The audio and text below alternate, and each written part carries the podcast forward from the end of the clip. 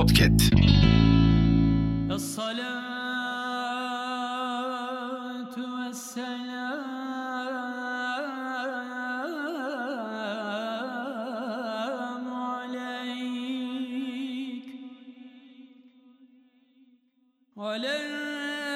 Çok acı var da en acısı günlerdir bu katliamın durdurulamıyor olması gerçekten dünyaca faydasız insanlar olduğumuzun en çarpıcı kanıtı. Bu yaşanılanlara karşı elden gelmezliğimiz yok mu?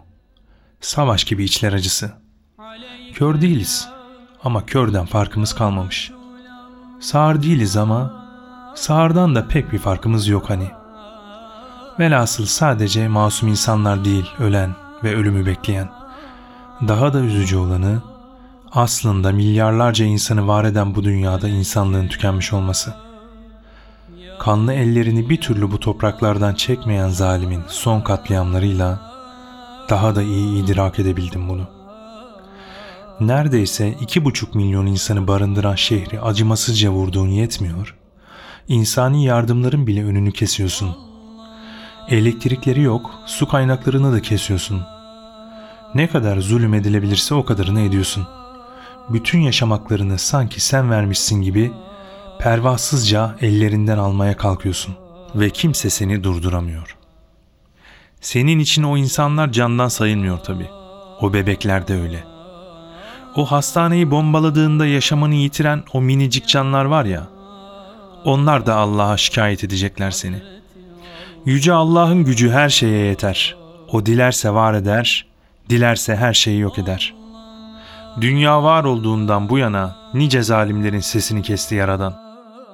Nitekim Meryem suresi 98. ayet-i kerimesinde mealen Allah Celle Celaluhu şöyle buyuruyor. Biz onlardan önce nice nesilleri helak ettik.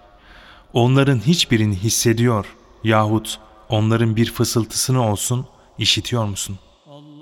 Aman sen zulmetme de zalimin sesi de kesilir elbet. Allah müminlere de birlik içinde olmayı emretmiştir. Ama geldiğimiz nokta o ki bir zalime karşı insanlığın elinden sadece bu kadarı gelebiliyorsa oku hocam. Sen bir selada insanlık için oku. الصلاة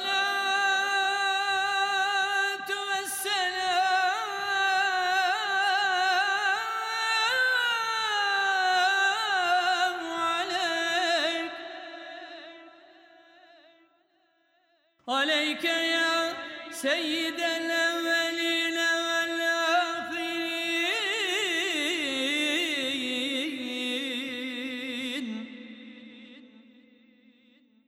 وسلام على المرسلين.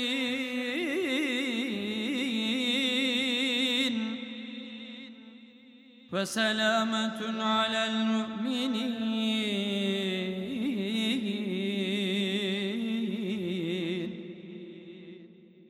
والحمد لله رب العالمين.